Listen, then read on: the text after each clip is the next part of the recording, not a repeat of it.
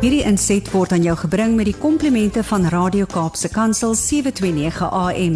Besoek ons gerus by www.cape pulpit.co.za. Goeiemôre Almarie, good morning Brad. Goeie goeie dag sê aan jou wat luister. Wat 'n lekker om weer saam te kan kuier en verder te gesels oor bome. En ek gaan 'n bietjie gaan teruggaan daarso op die webwerf en by die podcast gaan tel, maar ek reken ons het ten minste 60 gesprekke al gehad rondom hierdie tema. Maar dit voel vir my asof ons uh, net so we've scratched the surface.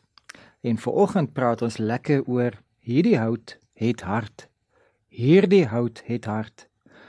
Nou um, gewoonlik as my tema meer as een woord in het dan kan ek op 'n sidetrack gaan en ek gaan nou doelbewus nie praat oor die hartgedeelte so seer nie want ek gaan nou nie Chris Barnard se hartoortplanting of pas aangeheers of hartseer of my hart verlang na die boland ek gaan een ek gaan hulle almal gaan ek bypass let wel ek gaan hulle bypass en reguit by die heart of the matter uitkom die heart of the matter van vanoggend se tema aan die een kant en die praktiese kant voordat ons by die geestelike toepassing kom is dat hout het 'n ander look and feel as wat plastiek het.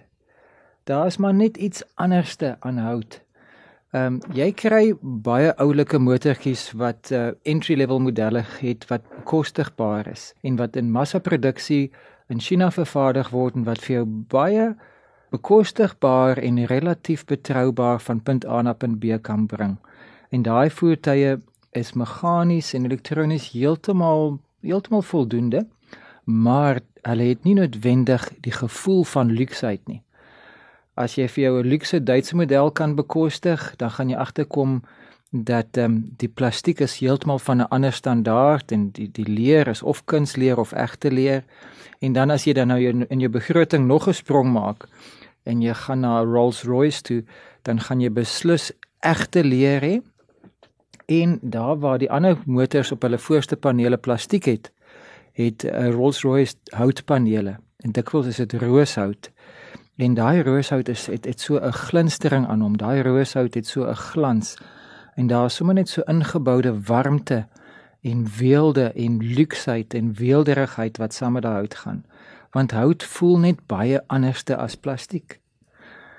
En bitter min mense wat nou uh, by hulle oupa grootjie of by hulle oupas of ver af geleë familie iets geërf het, het ehm um, hulle oupa of ouma se plastiek mengbak uh, geërf.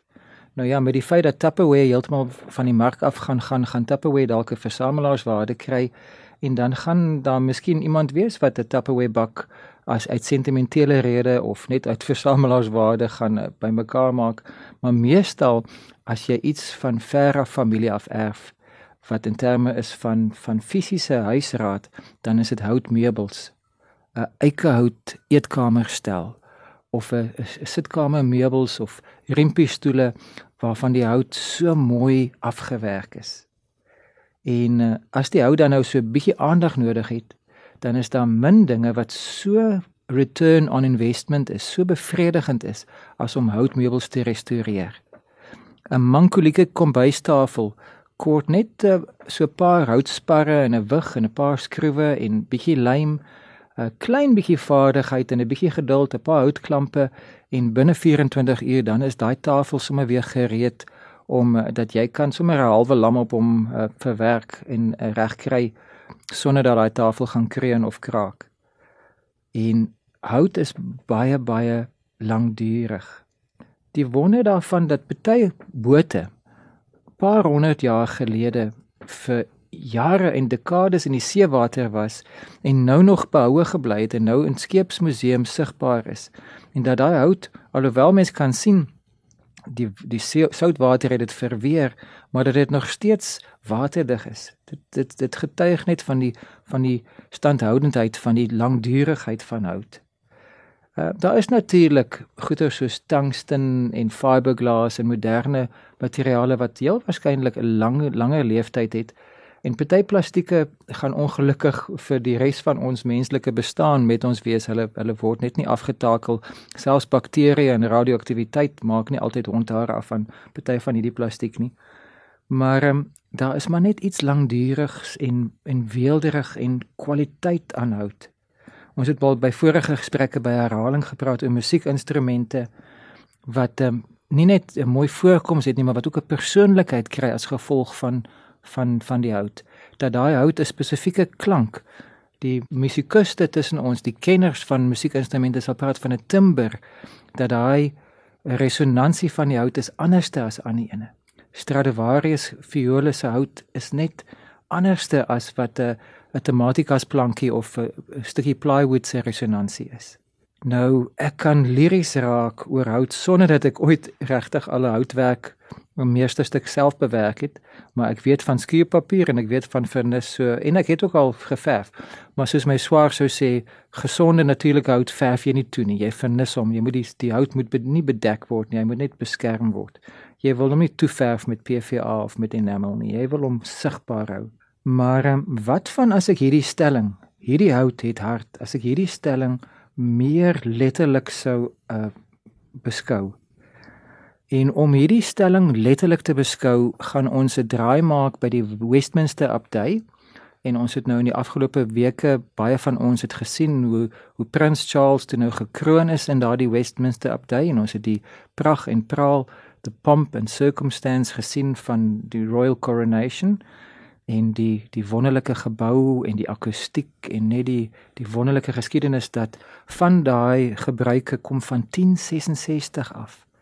1066 het van daai gebruike tot stand gekom en dit word nou nog nou geset uh, uitgevoer in 'n in 'n rotine en 'n ritueel van coronation. Dis ongelooflik.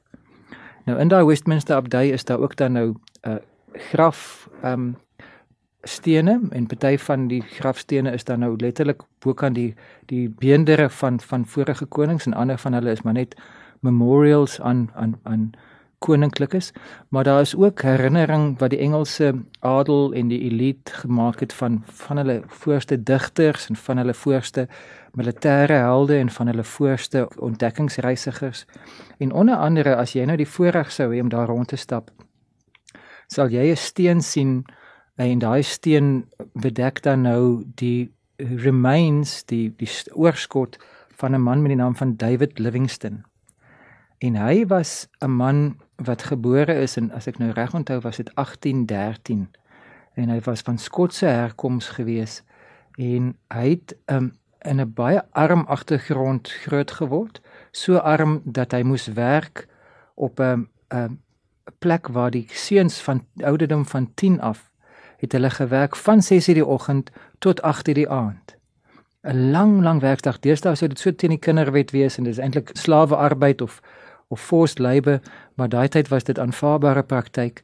En toe omdat hy 'n helder verstand gehad het en om omdat hy geweet het dat hy wil nie net sy dagloon verdien nie, maar hy wil vooruitgaan in lewe, het hy nog na die tyd gegaan skool toe dan het hulle van 8 tot 10 het hulle letterlik nog 2 ure skool gegaan. Nou ek weet na 'n lang dag se harde werk dan is aandskool en aandklasse is 'n uitdaging vir 'n volwasse student. Wat nog te sê vir 'n 10-jarige kind? die 10-jarige kinders wat ek ken kan selfs na 'n volle nag se rus en 'n gesonde ontbyt en en 'n gesonde lewenstyl sukkel om 8:00 die oggend fokus te gee of wat nog te sê 8:00 die aand begin om uh, aandag te gee. En daar het hulle dan nou van 8 tot 10 in die aande het hulle geleer en gevorderde goeie soos hy het onder andere Latyn geleer sodat hy homself kon bekwam as 'n mediese dokter sodat hy toe nou as 'n mediese sendeling Suid-Afrika toe kon kom. En hier in Suid-Afrika het hy toe nou besef dat Noord en Afrika is daar nog onontdekte lande en onontdekte mensegroepe. Sy hart was om hulle die evangelie met hulle te deel, maar sy hart was ook om die vasteland te karteer sodat die paaie en die infrastruktuur kan kom sodat ander sendelinge makliker kan kom by die onbereikte mense. En hy het sy lewe neergelê in diens van die evangelie en ook as 'n explorer, as 'n ontdekkingsreisiger en as 'n wetenskaplike en hy het groot deurbrake gemaak in die, in die behandeling van malaria en hy het groot deurbrake gemaak in terme van kartering en ontdekkingsreise en dit is daardie baie beroemde toe hy nou vir jare lank bietjie missing geraak het toe hulle hom gaan soek 'n joernalis ontdekkingsreisiger um, Stanley het hom gaan soek en toe hy toe nou in die middel van Afrika waar daar net uh swart mense is toe nou met die enigste wit mens vir vir Nainden verre uitkom toe sê vir hom Dr Livingston I presume en uh, dit is eintlik so ironies van wie anders as Dr Livingston kon dit nou eintlik daar gewees het maar die volgende frase het, is vir my nog meer treffend want Stanley sê toe vir hom uh I've come to find you en Livingston sê toe vir hom I was never lost want hy was presies op koers. Hy was besig om te doen wat sy wat sy lewensmissie was. Hy was besig om Afrika te karteer en onbereikte mensegroepe te bereik vir die evangelie. Nou 'n man wie se hart so in hierdie vaste land verknog was, maar wat toe nou sy lewe letterlik neergelê het in in sy vroeë 60's toe nou van al die ontbering verswak het. Sterf toe uh, in die hartland van Afrika En um, dit was toe meer as 1000 myl. Dit uh, my my desimale wiskunde het my nou verlaat, maar dit is dis baie baie ver van die naaste hawe af. En 9 van sy getroue ehm um, reisgenote het toe besluit hulle gaan Livingston se oorskot gaan hulle dra na die hawe toe want he was a great white man and he needs to be buried amongst his peers. He needs to be buried with the other great white men of his country. En daar's 'n 'n stuk wat bietjie griesaam is. Dit is eintlik baie aaklig, maar natuurlik kan jy nie 'n lijk vervoer in die warm Afrika sonder dat dit begin verrot nie. Maar hulle het gelukkig geweet van balseming en hulle het ook uh, amper soos 'n rosyntjie ek vir van verskoning vir sensitiewe luisteraars, maar hulle het sy sy oorskot gesond droog sodat dit nie heeltemal sou verrot nie en en gebalsem, maar hulle het sy hart verwyder. Dit was 'n simboliese aksie en hulle het sy hart nie uit uit lijkskending uit nie, maar uit respek het hulle dit toe nou begrawe onder 'n boom. En hulle het daai boom se bas oopge kloof en toe in die boom se stam het hulle gekerf David Livingston met sy sterfdatum. En daardie boom is afgeneem en dan die beste van my inligting staan daardie boom nog. Ek dink nie die boom is meer in volle vleur nie, maar hy staan nog. So daar is letterlik 'n boom in Afrika of hy nou nog gesond is en of hy dan nou 'n paar generasies gelede toe nou uh, gefloreer het wat se wortels die reste van ehm um, David Livingstone se hart wat toe nou begin verrot het en wat begin kompos word het opgeneem het en op 'n mikroskopiese vlak letterlik molekulêr was Livingstone se hart toe nou deel van die hout van daardie boom. So hierdie hout het hart.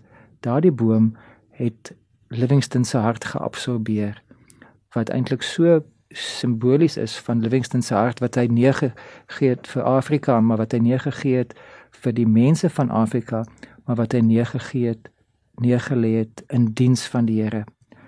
Want Livingstone het onder andere hierdie skrif ter harte geneem.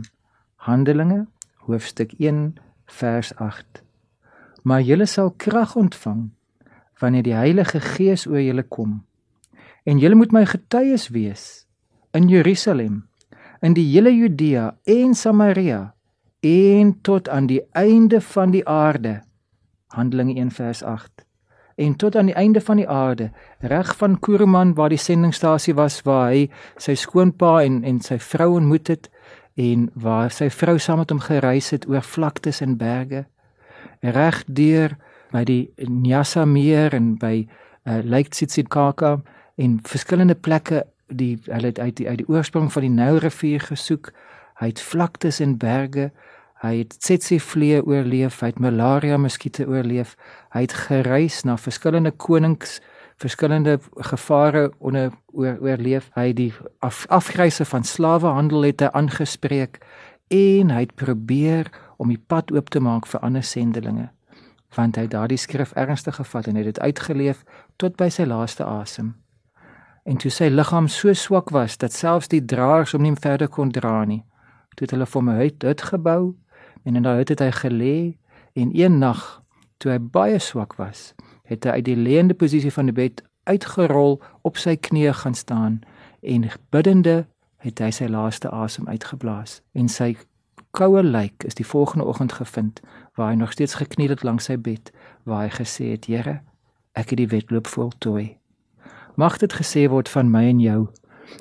Ons hoef nie noodwendig Afrika te gaan verken nie. Ons hoef nie noodwendig sulke geweldige avonture en en ontberings te beleef nie, maar ons kan gehoorsaam wees. En jy hoef nie na die uithoeke van die aarde toe te gaan nie. Jy kan dalk net gaan na die hoek van die straat of selfs na die oorkant van die kamer, die ander kant van die kantoor. Jy kan dalk net uitreik na die persoon wat langs jou in die taxi sit.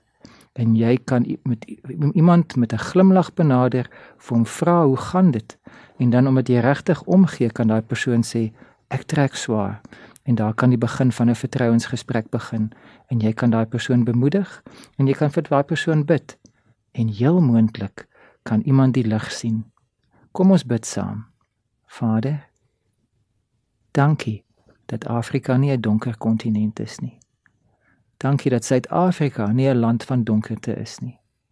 Selfs al is dit soms letterlik donker as gevolg van beurtkrag, selfs al oorskadu die donkerte van geweld en misdaad en korrupsie ons dikwels, is daar lig wat skyn in u kinders se harte.